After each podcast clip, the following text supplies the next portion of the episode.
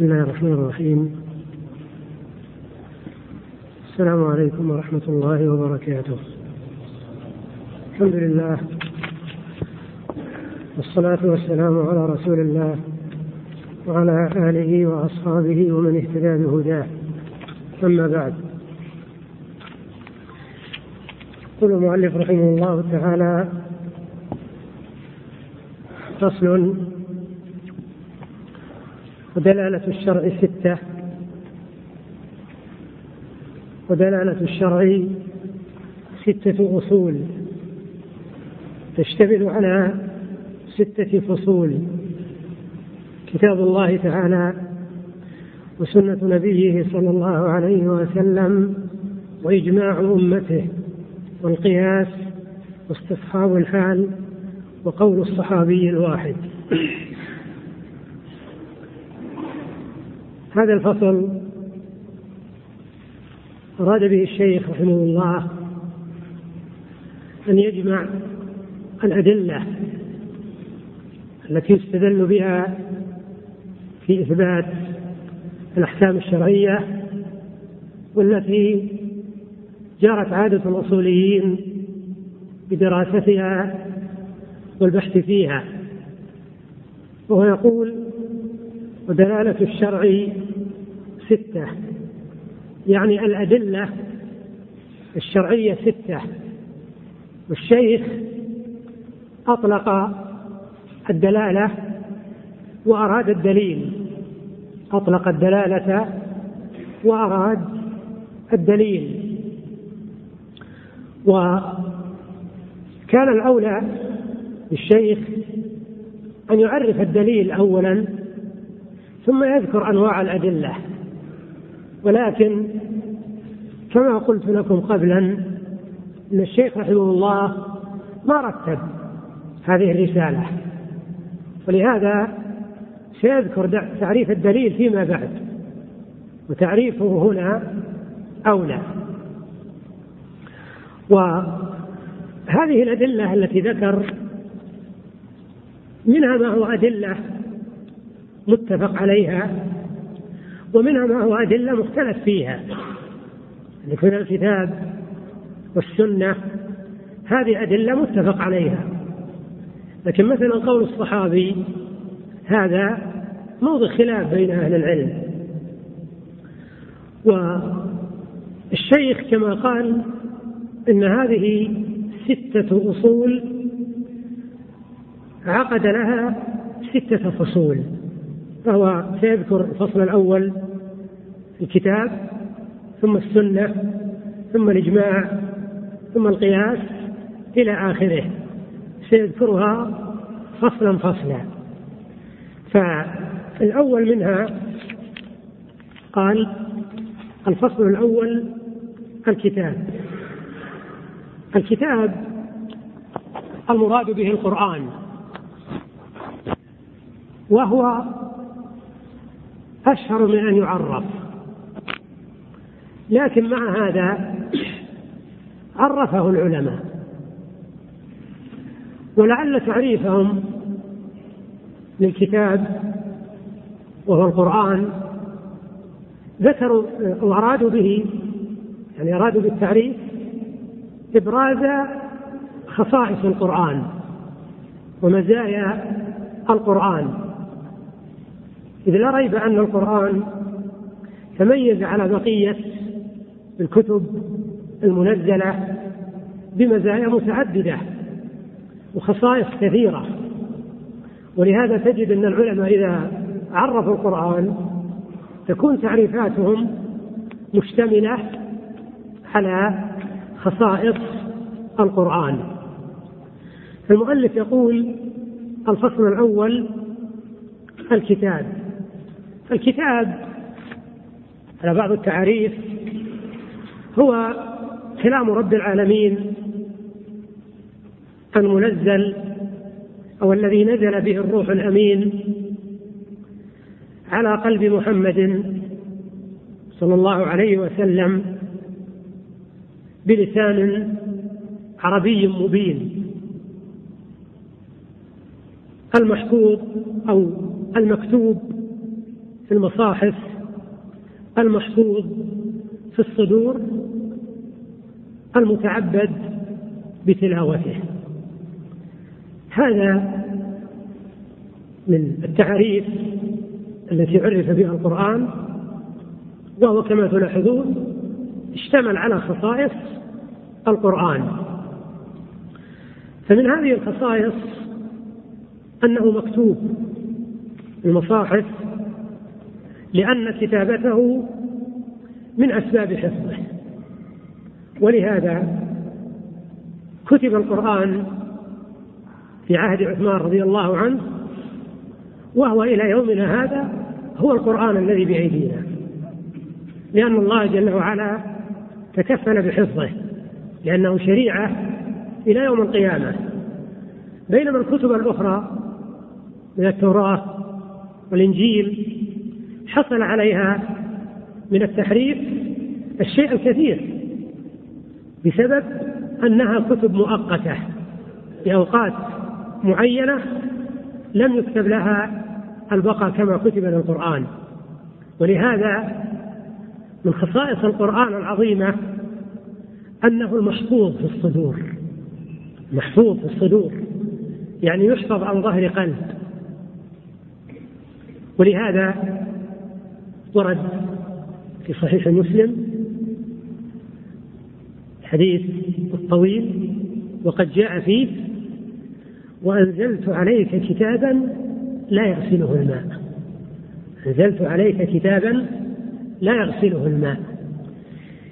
يعني لو أن القرآن فقط مكتوب كان المكتوب يمكن يغسل ويروح لكن لما كان محفوظا في الصدور لو فرض أنه غسل الأوراق اللي هو مكتوب فيها نعم بقي حفظه في الصدور. هذا معنى وأنزلت عليك كتابا لا يغسله الماء.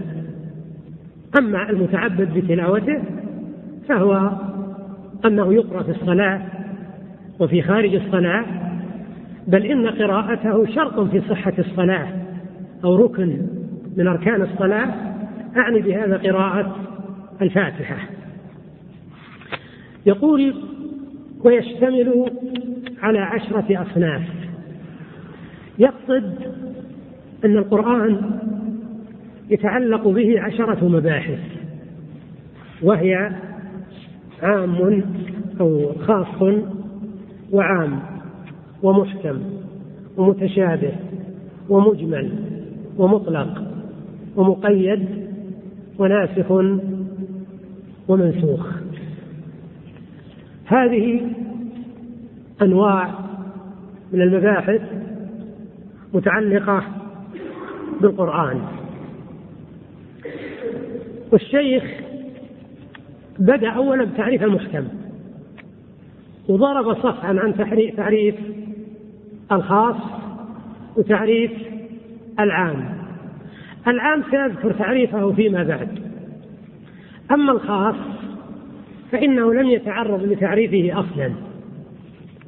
ولعله أراد أنه إذا عرف العام يفهم منه الخاص. ونرجئ تعريف العام إلى موضعه. فنذكر ما ذكر هنا. قال فالمحكم حده ما تأبد حكمه. ويعبر به أيضا عن المفسر. يعبر به أيضا عن المفسر. يعني أن المحكم له تعريفان. التعريف الأول يفسر المحكم أو يعرف المحكم بأنه ما تعبد حكمه. ومعنى ما تعبد حكمه يعني أنه لا يدخله النسخ. لا يدخله النسخ. ولهذا ورد عن الصحابة والتابعين كابن عباس وجماعة أنهم فسروا الآيات المحكمات بأنها الآيات الناسخات يعني التي نسخت غيرها وهي بقيت. هذا تعريف أن المراد بالمحكم ما تعبد حكمه يعني ما لم ينسخ. وعلى هذا التعريف الآيات اللي نسخت ما تعتبر من المحكم ما تعتبر من المحكم. التعريف الثاني وهو الأظهر والأوضح أنه يعبر به عن المفسر. قال الشيخ بعد ذكر الآية وأراد بالمحكمات المفسرة والمستغنية في معانيها عما يفسرها وحد ذلك ما يعقل معناه. على هذا التعريف المحكم هو الواضح البين الذي لا يحتاج إلى تفسير. ومعنى هذا أن المتشابه على التعريف الأول هو المنسوخ وعلى التعريف الثاني المتشابه ما لم يتضح بل يحتاج إلى توضيح وإلى بيان فهما معنيان متقابلان. ثم قال ساق الشيخ الآية الكريمة ويقول الله تعالى هو الذي أنزل عليك الكتاب.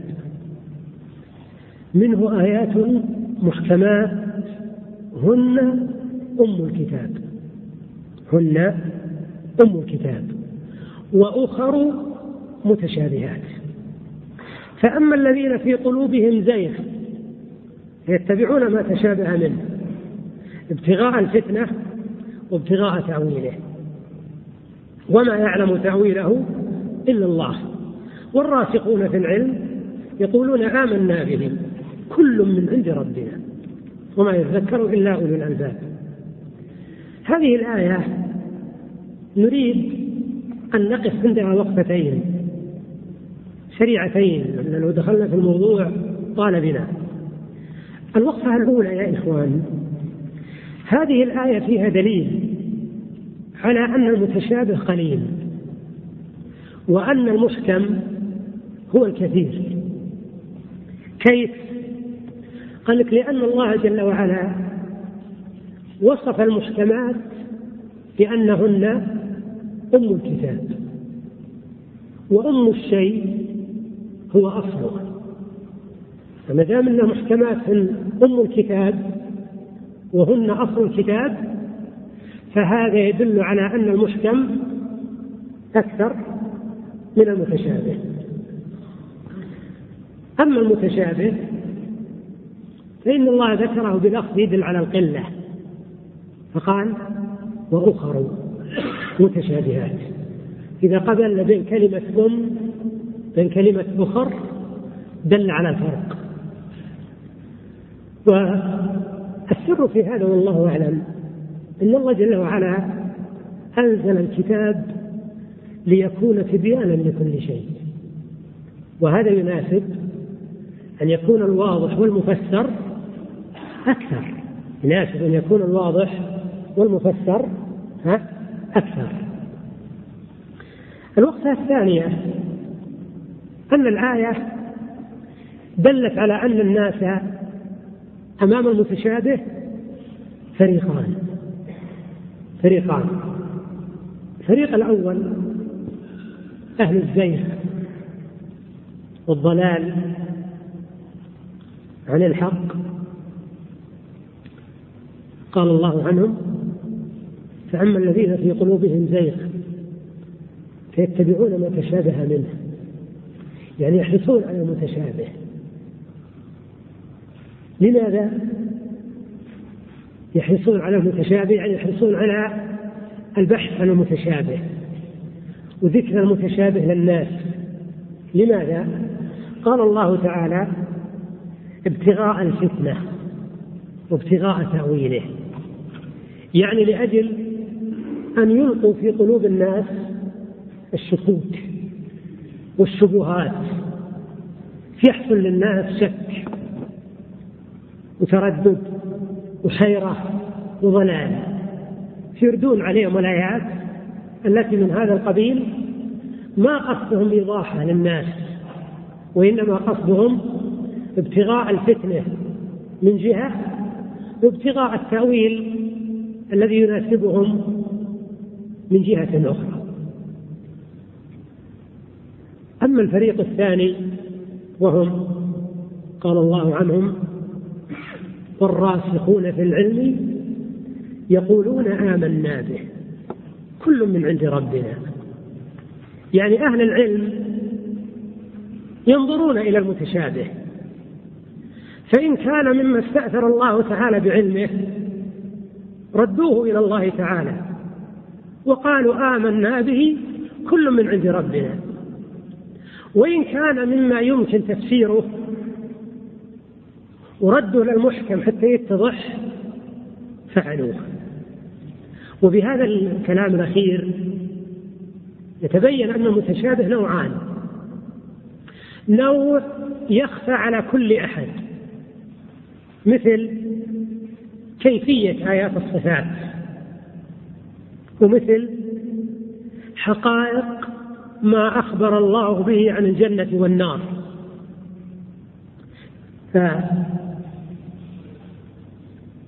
فكيفية الصفات من المتشابه الذي لا سبيل إلى معرفته. وكلكم يذكر مقولة الإمام مالك رحمه الله وهي مقولة عظيمة لما سئل عن الاستواء كيف الاستواء؟ قال الاستواء معلوم في لغة العرب. والكيف مجهول والإيمان به واجب والسؤال عنه بدعة. كيفية أسماء الله تعالى وصفاته؟ هذه من المتشابه. الذي استأثر الله بعلمه. ولا يمكن لأحد أن يصل إليه. النوع الثاني المتشابه الذي يخفى على بعض الناس دون بعض. حسب القوة في العلم. قد يخفى على شخص لقلة علمه وقد يتضح لشخص آخر بسبب ماذا؟ أنه رد المتشابه إلى المحكم. وهذه طريقة الراسخين في العلم. أن المتشابه اللي تمكن معرفته إيش يعملون فيه؟ يردون إلى المحكم. وبعد ثم بعد هذا يتضح.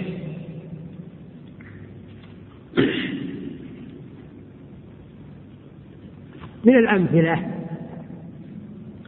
قول الله تعالى يضل من يشاء ويهدي من يشاء.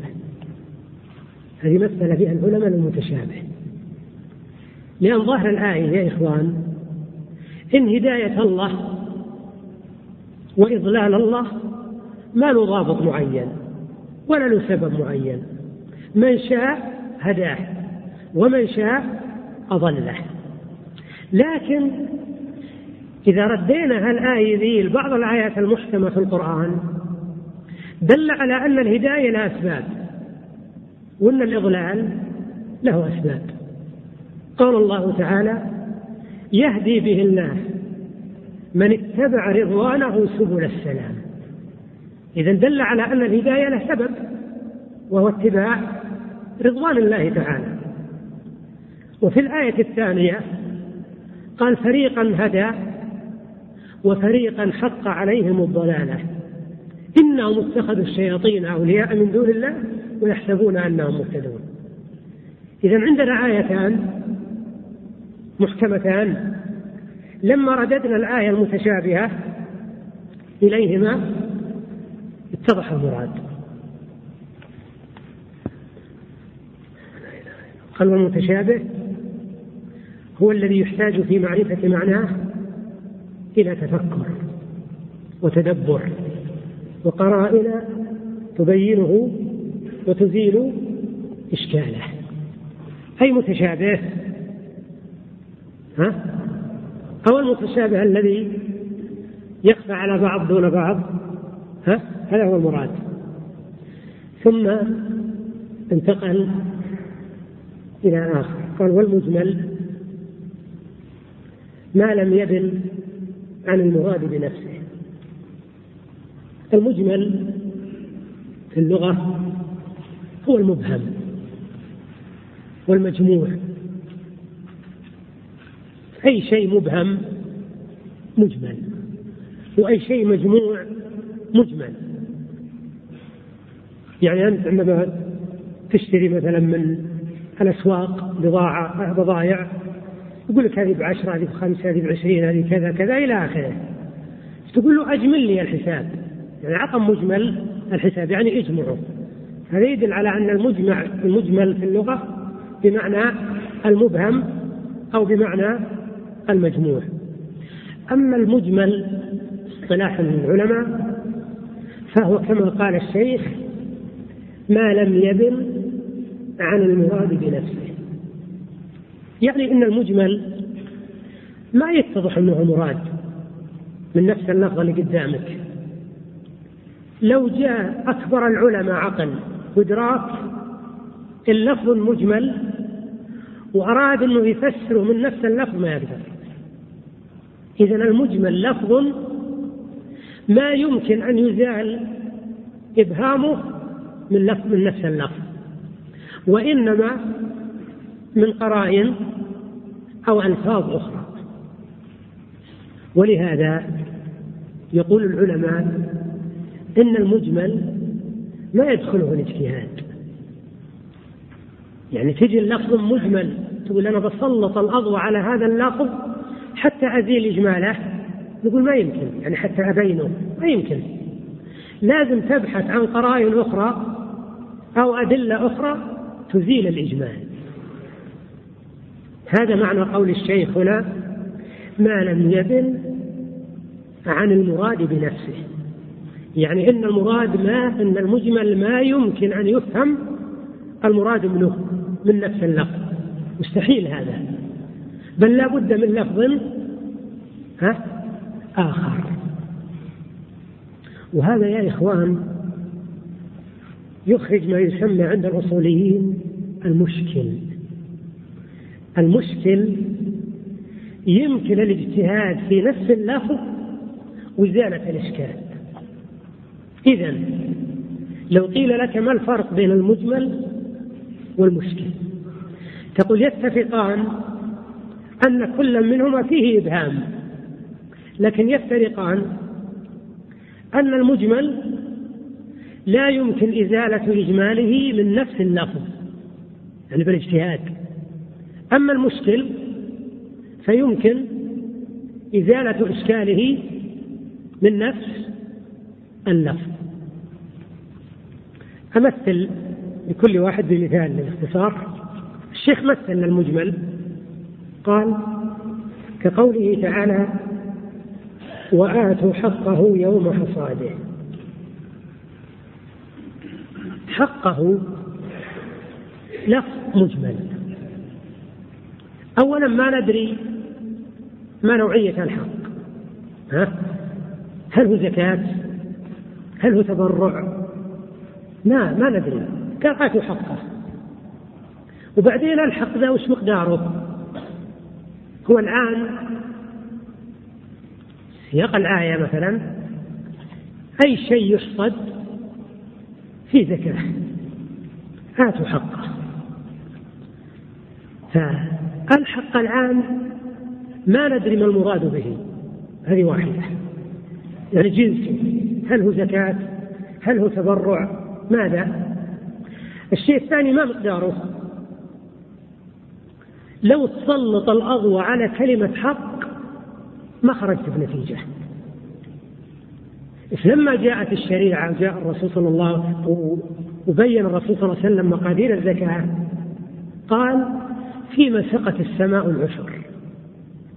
إذا تبين لنا أن المراد بالحق هو الزكاة وأن المقدار إن سقي بمؤونة وكلفة نصف العشر.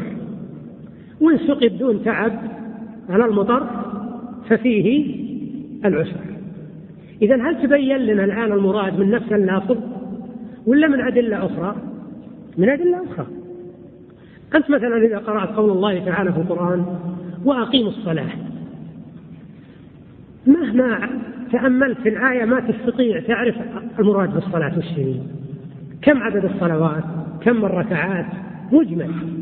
فلما أن الرسول صلى الله عليه وسلم بين لنا الصلوات بقوله وفعله زال الإجمال اللي بالآية. فهذا من أمثلة المجمل. المشكل مثل قول الله تعالى والمطلقات يتربصن بأنفسهن ثلاثة قروء القرض فيه إشكال لأنه لا يدرى هل القرض هو الطهر أو الحيض. لكن عندما يتأمل المجتهد في هذه الآية ينظر إلى سياقها يمكن أن يستنبط أن المراد بالقرض الطهر أو أن المراد الحيض دون أنه يستند إلى أدلة أخرى. هذا الفرق بين المجمل والمشكل. قال فإن ذلك مجمل في جنس الحق وقدره ويحتاج إلى دليل يبينه ويفسر معناه. ومثل قوله تعالى قل لا أجد فيما أوحي إلي محرما على طاعم يطعمه إلا أن يكون ميتة أو دما مسفوحا أو لحم خنزير. الشيخ أحيانا يوضح الآية بما لا مزيد عليه وهو الغالب عليه مع أن رسالة مختصرة إلا أنه يحب الشرح والتفصيل. يقول فلما نهى صلى الله عليه وسلم عن كل ذي ناب من السباع وكل ذي مخلب من الطير. دلت احكام صاحب الشرع أن الآية لو قال دلت على أن الآية وفي كتاب العدة لأبي يعلى في تشابه كبير بين النصوص بكتاب العدة لأبي يعلى وبين النصوص اللي معنا نصوص العكبري. مع أن أبا يعلى بعد العكبري لكن في تشابه. ففي العدة لأبي يعلى يقول دلت أحكام صاحب الشرع على أن الآية ليست على ظاهرها. يقصد ليست على ظاهرها. يقصد ليست على ظاهرها؟ نريد أصابع. ها؟ ها؟ ليست على ظاهرها. يقصد؟ الحصر لأن الآية كأن ظاهر أنه ما في محرمات إلا المذكور. لأنه قال قل لا أجد لا نفي. قل لا أجد فيما أوحي إلي محرما على طاعم يطعمه إلا. والقاعدة عند البلاغيين أن الاستثناء بعد النفي ها من طرق القصر. أو الحصر. النحويون يقولون الحصر. والبلاغيون يقولون القصر. النحويون ما يذكرون القصر أبدا يذكرون الحصر. بينما البلاغيون يقولون القصر. ولا أدري عاد أنا هم يعني يقولون الحصر ولا لا لكن على حسب ما أعرف النحو ما يقولون القصر. النحويون يقولون الحصر. ظاهر الآية أنه ما في محرمات إلا أن يكون ميتة ها أو دما مسفوحا أو لحم خنزير هذه محرمات واللي غيره كله حلال. الشيخ يقول دلت أحكام صاحب الشرع أن الآية ليست على ظاهرها وأنه هو المعبر لما في كتاب الله اللي في العدة لأبي يعلى وأنه هو المعبر عما في كتاب الله المعبر عما في كتاب الله. ومن لزم ظاهر الآية؟ مثل المالكية اللي يحكم بالآية.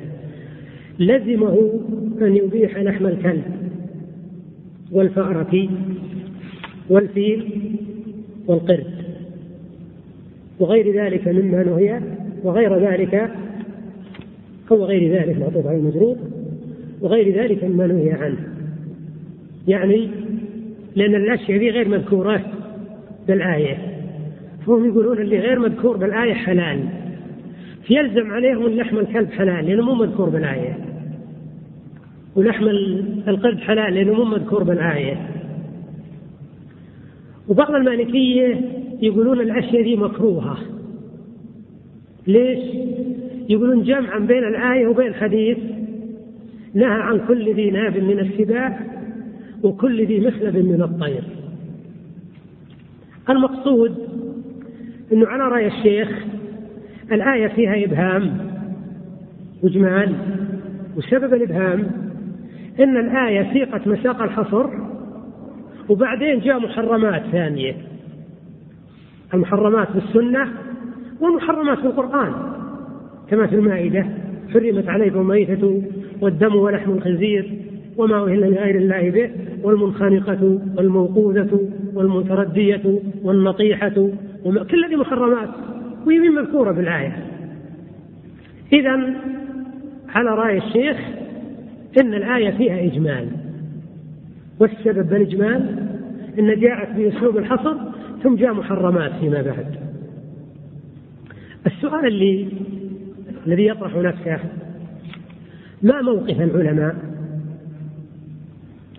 أو نعم ما موقف العلماء؟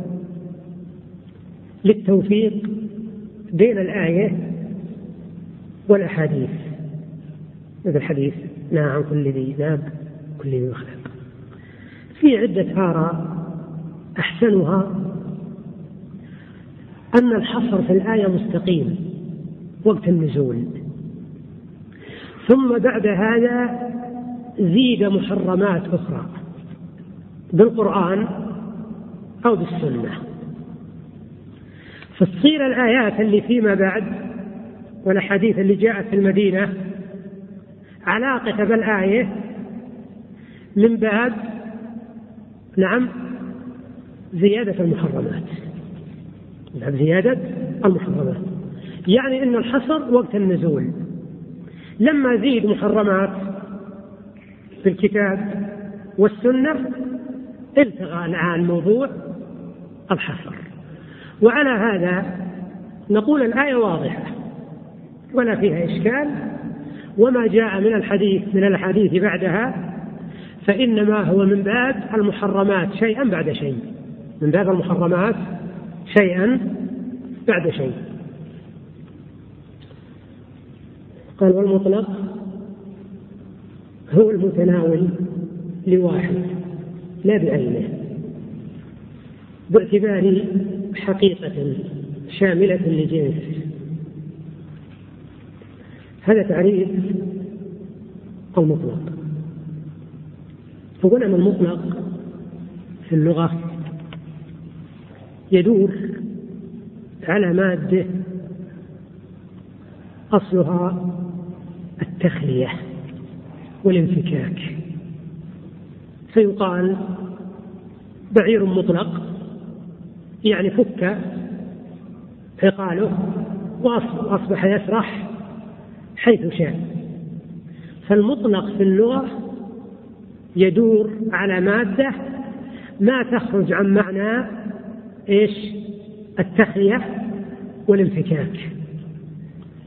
أما المطلق في اصطلاح الأصوليين علماء الأصول فهو يقول هو المتناول لواحد. لا بعينه. باعتبار حقيقة شاملة لجنس ما يمكن يتضح إلا بالمثال. مثل كلمة طالب. لو قلنا أكرم طالبا. كلمة طالب هذه تتناول واحد. يعني هل تتناول طالبين أو ثلاثة؟ لا. ما تتناول إلا طالبا واحدا فقط. خلاف العام ولهذا بعض الطلاب يشكل عليها الفرق بين العام والمطلق. يظن أنهما بمعنى واحد أو أنهما متقاربان وما بينهما تقارب بحال من الأحوال. كلمة طالب هذه كما قال الشيخ تتناول واحد واحد هذا واحد. الشيء الثاني إنه غير معين غير معين. يعني لو قلنا في حفل مدرسي مدير المدرسة مثلا هذه جائزة أكرم بها طالبا. هل أحد من الطلاب يتصور أنه هو المراد أو أن الطلاب إلا إذا كانوا يعرفون المطلق يتصورون أنهم كلهم سيكرمون؟ لا. الذي سيكرم طالب واحد فقط غاية ما هنالك أنه إيش؟ غير غير معين. ولهذا كل واحد من الطلاب يقول إن شاء الله أنا اللي باخذ الجائزة. فإذا قام طالب واحد قيل له تعال يا محمد خذ الجائزة. يقول طالب آخر لعلي أنا إن شاء الله اللي بعده. ها؟ لا. لأن المطلق ما يتناول إلا فردا واحدا لا بعينه.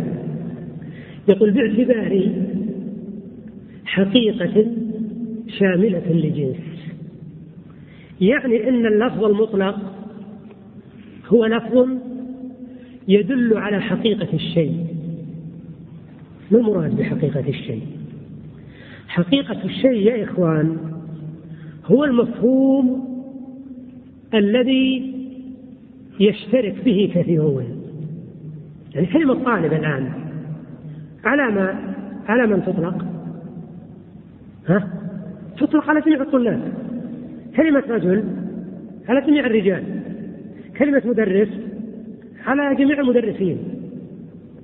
هذا معنى أن اللفظة تدل على الحقيقة. عبارة الشيخ هنا قال حقيقة شاملة للجنس. ما معنى حقيقة؟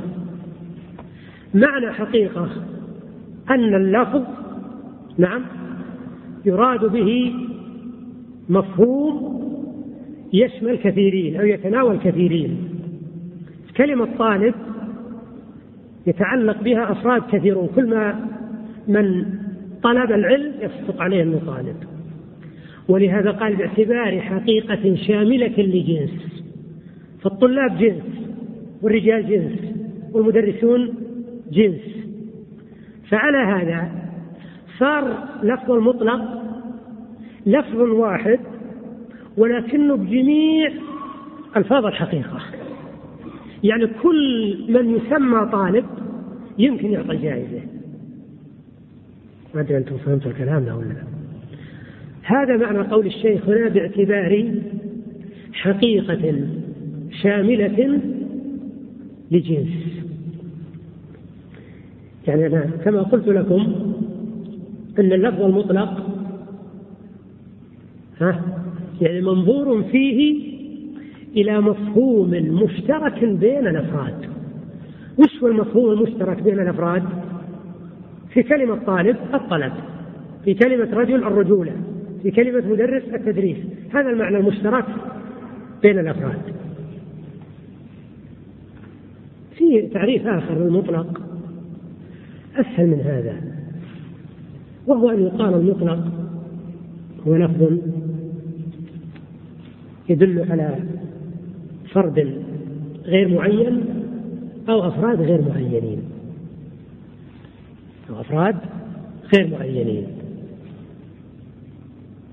لأنه يعني استرحنا من كلمة حقيقة شاملة لجنس ذي. إحنا ما نصير إن شاء الله استرحنا بس أساس نجيب تعريف آخر. هذا أوضح التعريف يعني. المطلق هو إيش؟ لفظ يدل على فرد غير معين. مثل لو قيل أكرم طالبا أو أفراد غير معينين لو قيل أكرم طالبين. هذا مطلق.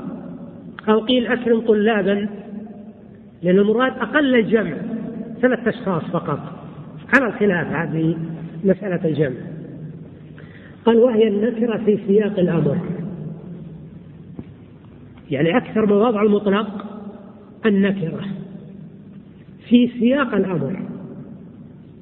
يعني ما صيغة أمر؟ لكن في سياق الأمر. ففي مثلا أكرم طالبا النكرة طالبا جاءت في سياق الأمر اللي هو أكرم. ومثل الآية الكريمة اللي مثل به فتحرير رقبة. اللي هي آية سورة المجادلة. الذين يظاهرون من نسائهم ثم يعودون لما قالوا فتحرير رقبة من قبل أن يتماسى رقبة لفظ مطلق. لأن في سياق الأمر لأن معنى الآية فحرر رقبة أيها المظاهر فحرر رقبة أيها المظاهر. طيب رقبة إيش المراد بها؟ قال لك أي رقبة؟ فإذا أعتق المظاهر رقبة مسلمة صح. وإذا أعتق رقبة كافرة ها؟ صح. لأن الآية قالت رقبة. ولهذا يقول العلماء يجب العمل بالمطلق على إطلاقه حتى يثبت تقييد عن الشرع. ما هو العلماء اللي يقيدونه؟ الشرع هو اللي يقيده. إذا رأينا في الكتاب أو السنة نصوصا مطلقة نعمل بها على إطلاقه. إذا ما علمنا لها تقييدات. الآية ذي اختلف العلماء فيها. فمن أهل العلم من قال إن المظاهر له أنه له أن يعتق رقبة كافرة أو مؤمنة. لأن الله قال رقبة. وبعض العلماء قال لا لابد تكون رقبة مؤمنة. ويقول هذا مطلق وكفارة القتل اللي في سورة النساء رقبة مؤمنة. مقيد. فنحمل المطلق على المقيد. والصواب الرأي الأول. صواب الرأي الأول. أنه في الظهار له أنه يعتق رقبة مطلقا. لأن هذه الآية تقول رقبة. هذا معنى المطلق. يقول وقد يكون في الخبر. الخبر اللي هو ضد الأمر. كقوله صلى الله عليه وسلم لا نكاح إلا بولي. لا نكاح إلا بولي. هذا مو بأمر. هذا خبر. واللي يدلك على أنه خبر أنه نفي نفي قال لا نكاح إلا بولي. فالرسول يأمرنا ولا يخبر؟ ها؟ يخبر أنه ما في نكاح إلا بولي. طيب الولي. ولي جنس الأولياء. أي ولي؟ صالح فاسد صغير كبير كله يصلح. ولهذا ورد في بعض الأحاديث لا نكاح إلا بولي مرشد وشاهد عدل والحديث في كلام للعلماء. لكن على القول بصحته إنه يصير من باب المطلق والمقيد. يحمل المطلق على المقيد ويصير اللي يعقد النكاح هو الولي المرشد.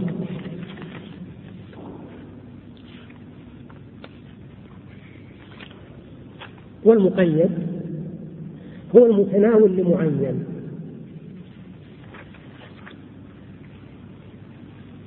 وغير معين. المتناول لمعين مثل زيد وعمر. فلو قيل أكرم زيدا. إيش يسمى زيدا؟ ها؟ مقيد لأنه يدل على على معين. لو قيل أعطه عشرة دنانير. إحنا هناك نقول عشرة ريالات لكن أنتم نقول عشرة دنانير. ها؟ عشرة دنانير لحد معين. إذا مقيد. هذا معنى هو المتناول لمعين. وغير معين انتهينا؟ قال لك لا. وغير معين موصوف. إذا كلمة موصوف صفة لما قبلها. لأنه لو صار غير معين. إيه. الأولى أنه ما يصير في فاصلة. لو صار غير معين وانتهينا ما نرجع للمطلق ها؟ نرجع للمطلق إذا المطلق متى يكون معينا ومقيدا؟ إذا وصف. إذا وصف. ولهذا قال وغير معين موصوف بأمر زائد على الحقيقة اللي قلنا في تعريف المطلق. والمعنى أنه اقترن بوصف حدد المراد. فإذا قلنا أكرم طالبا يطلق. إذا إذا قلنا أكرم طالبا مجدا صار مقيد. لماذا؟ لأننا وصفناه بأمر زائد على إيش؟ على الحقيقة. لكن لو قلنا أكرم طالبا فقط اقتصرنا على الحقيقة اللي تشمل جميع الطلاب. إذا قلنا مجدا باقي الطلاب خرجوا بهذا القيد.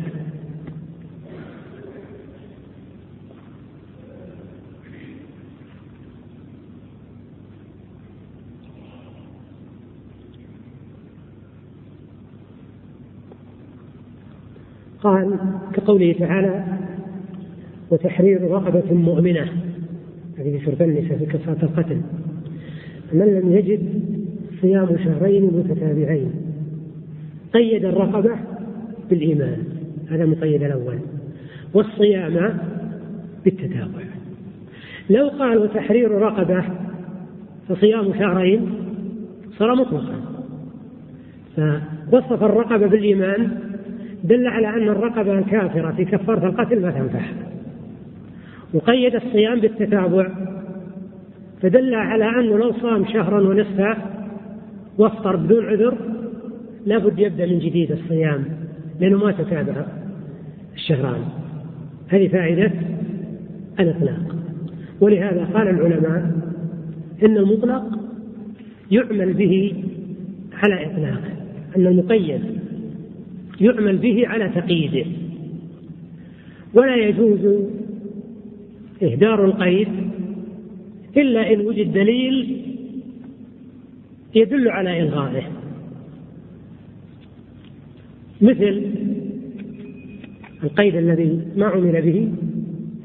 قول الله تعالى في المحرمات وربائبكم اللاتي في حجوركم من نسائكم اللاتي دخلتم بهن. فالربيبة اللي بنت الزوجة من زوج آخر من الزوج الأول محرمة على الزوج الجديد زوج أمها. الله جل وعلا لما قال حرمت عليكم أمهاتكم وبناتكم إلى آخره قال وربائبكم طيب ربائبكم مطلق؟ قال لا مقيد بقيد. قال ربائبكم اللاتي في حجوركم. يعني إن الربيبة تصير عند عند أمها في بيت الزوج الجديد. نعم. التي في حجوركم. هذا القيد اعتبره جمهور العلماء مما خرج مخرج الغالب.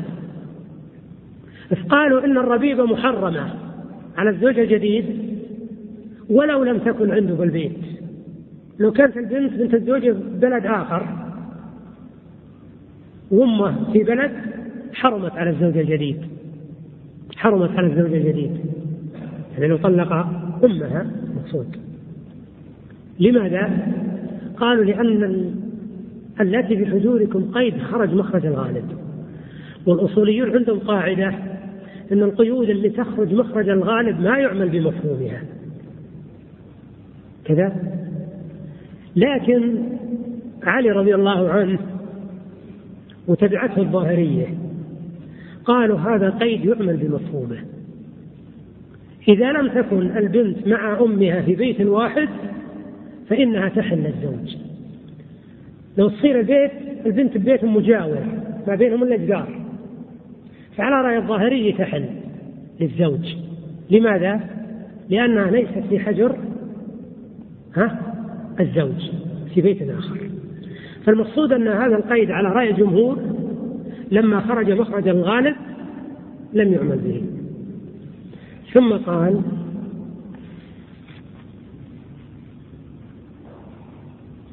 والنسخ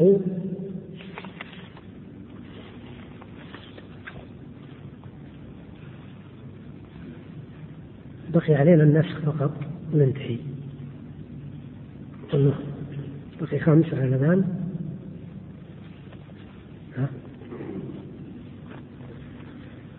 زين. قال والنسخ في اللغة الرفع والإزالة. كقولهم نسخت الرياح الآثار أي أزالتها. النسخ يطلق يا إخوان في اللغة على معنيين. المعنى الأول الإزالة. لكن الإزالة نوعان. إما إزالة دون عوض أو إزالة بعوض. فقوله هنا نسخت الرياح الآثار. الآثار يعني الإنسان يمشي طريق رملي مثلا. يصل أثر موطئ الأقدام. تجي الرياح تمسح الآثار وتزول. لو يجي من باكر يبي يشوف طريق واليمس ما يحصله لكن هل محل شيء ولا ما حل؟ ها؟ ما حل شيء خلاص مسحت وانتهت لكن قولهم نسخت الشمس الظل يعني إن الشمس لما أزالت يعني الشمس من المكان وش اللي جاء بالمكان بدلها؟ بطبيعة أقول الأمر الواقع والمخلوق أنه لابد يجي الظل. لأنه إما شمس وإما ظل. لكن هل نقول إما آثار ولا شيء يصير محل الآثار؟ لا الآثار ما محل شيء. هذا المعنى الأول اللي هو الإزالة. المعنى الثاني النقل. تقول نسخت ما في الكتاب أي نقلته ومنه قول الله تعالى في آخر سورة الجاثية إنا كنا نستنسخ ما كنتم تعملون. يعني ننقل أعمالكم من اللوح المحفوظ إلى صحف الأعمال. نسخ يعني نقل. والنقل يعني أقرب إلى المعنى الاصطلاحي من الإزالة. قال وفي عرف الفقهاء انقضاء مدة العبادة التي ظاهرها الإطلاق. هذا تعريف لا بأس به جيد للنسخ انقضاء مدة العبادة التي ظاهرها الإطلاق. لأن الأحكام الشرعية أول ما تنزل تنزل يفهم الناس أنها إلى يوم القيامة. ما عندهم علم. فيجي النسخ تنسخ هذا معنى ظاهرها إيش؟ الإطلاق. ومعنى ظاهرها الإطلاق يعني ظاهرها أن مدتها باقية. فإذا نسخت جاء ما يدل على انقضائها. لكن الشيخ عبر بالعبادة. وليته ما عبر بالعبادة. لأن النسخ ما هو خاص بالعبادات. قد يكون في العقود مثل ما تعلمون في العدد مثلا يعني تخصيص هنا مدة العبادة ليس بجيد إلا إن كان يقصد أن الغالب أن النفس يكون في العبادات يمكن يعني أن يقال هذا لكن التعميم أحسن. قال وإن شئت قلت بيان ما لم يرد باللفظ العام في الأزمان مع تراخيص وفيه احتراز طبعا عندكم نقط أظن وفيه في المخطوطة كذلك لكن اللي في كتب الأصول مثل العدة وفيه احتراز يمشي الكلام ففيه احتراز. من الحكم المعلق على زمان مخصوص. هذا تعريف آخر للنسخ. وإن شئت قلت بيان ما لم يرد أو أو ما لم يرد. قد يكون أوضح. باللفظ العام في الأزمان يعني ظاهر النسخ كما قلت لكم قبل قليل أنه عام لجميع الأزمان فإذا جاء النسخ تبين أن الحكم ما هو عام في الأزمان الجاية أنه الزمن انتهى الآن. ولهذا الأصوليون عندهم عبارة تقال عند هذا التعريف يقولون النسخ تخصيص في الأزمان النسخ تخصيص في الأزمان. يعني شوفوا الآن بالقرآن الأحكام اللي ما نسخت باقية إلى الآن. إذا صار عامة في جميع الأزمان لكن الأحكام اللي نسخت دل على أنها ما أريد أن تصير عامة في جميع الأزمان. هذا معنى التعريف الذي ذكره المؤلف قال هذا التعريف فيه احتراز من الحكم المعلق على زمن مخصوص. فإن انقضاءه عندكم فراغ. لكن اللي رأيت في كتاب العدة فإن انقضاءه ليس بنفس له. يمشي الكلام. فإن انقضاءه يعني انقضاء الزمن المخصوص كذا قال انقضاء الزمن المخصوص. فإن انقضاءه ليس بنفس له لأن الحكم لم يكن مطلقا وإنما هو معلق بزمان مخصوص.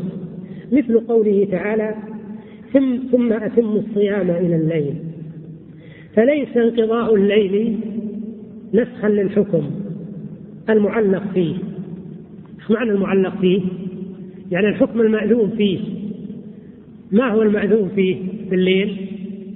الأكل ولا انقضاء النهار نسخا للصوم المأمور به فيه. يعني يقصد الآن قول الله تعالى ثم أتم الصيام إلى الليل. هل نقول الآن أن الصيام أنه منسوخ؟ نعبر عنه بأنه منسوخ؟ لا. ليش؟ لأن أصل الصيام حدد له وقت مخصوص. في انقضاء الوقت المخصوص لا يسمى نسخا لا يسمى نسخا إنما الذي يسمى نسخا إن الحكم يصير عام بجميع الأزمان؟ ثم يجي ما يوقف عند زمان معين. أما الأحكام الشرعية اللي الله جل وعلا أنزلها علينا ومحددة بأزمان معينة إذا انقضت أزمانه ما نقول إنها نسخت فالصيام الأكل له وقت. والصيام له وقت. هل إذا انتهى النهار نقول نسخ؟ الصيام لا لأن أصل الصيام له وقت محدد انتهى. هل إذا انتهى الأكل بالليل وجاء وقت الإمساك ها؟ نقول نسخ الأكل بالليل؟ لا. لأن الأكل بالليل له وقت محدد. إذا الفرق ما هو الآن؟ إنه الحكم اللي له زمان عام هذا هو اللي ينسخ. أما الحكم اللي له وقت معين ينتهي عنده هذا إيش؟ انتهى. درسنا المحدد انتهى. بالنسبة لمثال النسخ العلماء يذكرون امثله كثيرة للنسخ. لكن عند التمحيص لا يبقى إلا القليل. بسبب أن النسخ عند المتقدمين يطلق على ما هو أعم من المعنى الذي سمعتم فيطلق أحيانا عند المتقدمين على تخصيص العام أنه نسخ. وعلى تقييد المطلق أنه نسخ. ومن الأمثلة يكون الكلام يعني وافيا. من أمثلة النسخ قول الله تعالى واللاتي يأتين الفاحشة من نسائكم فاستشهدوا عليهن أربعة منكم فإن شهدوا فأمسكوهن في البيوت حتى يتوفاهن الموت أو يجعل الله لهن سبيلا. هذا كان حد أو عقوبة الزنا في أول الإسلام. أن الزانية تحبس في البيت. يقول الله جل وعلا حتى يتوفاهن الموت. أو يجعل الله لهن سبيلا. وقوله يجعل الله لهن سبيلا تشعر الآية أنه في حكم سيأتي فيما بعد. العلماء قالوا أن هذا الحكم نسخ. بقول الله تعالى الزانية والزاني فاجلدوا كل واحد منهما مئة جلدة. فأصبح بعد نزول الآية ما في حبس للمرأة إذا زنت. فإن كانت بكرا جلدت.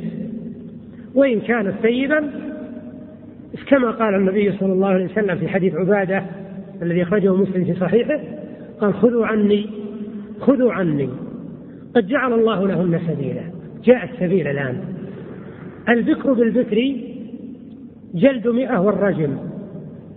والثيب بالثيب البكر بالبكر جلد مئة وتغريب عام. والثيب بالثيب الجلد والرجم. البكر بالبكر جلد مئة وتغريب عام. والثيب بالثيب يعني الزي الثيب يزني بالثيب الجلد والرجم. في خلاف عند العلماء هل يجلد قبل أن يرجم وما يجلد؟ مسألة خلافية عند الفقهاء. إحنا الآن أقول نحن أصوليون الآن نحن في أصول الفقه. هذه تبع الفقهاء هذا الخلاف فيها. المقصود بهذا أن الآية آية سورة النساء منسوخة. وقد ثبت عن ابن عباس بإسناد صحيح ما يدل على أن آية سورة النور ناسخة لآية سورة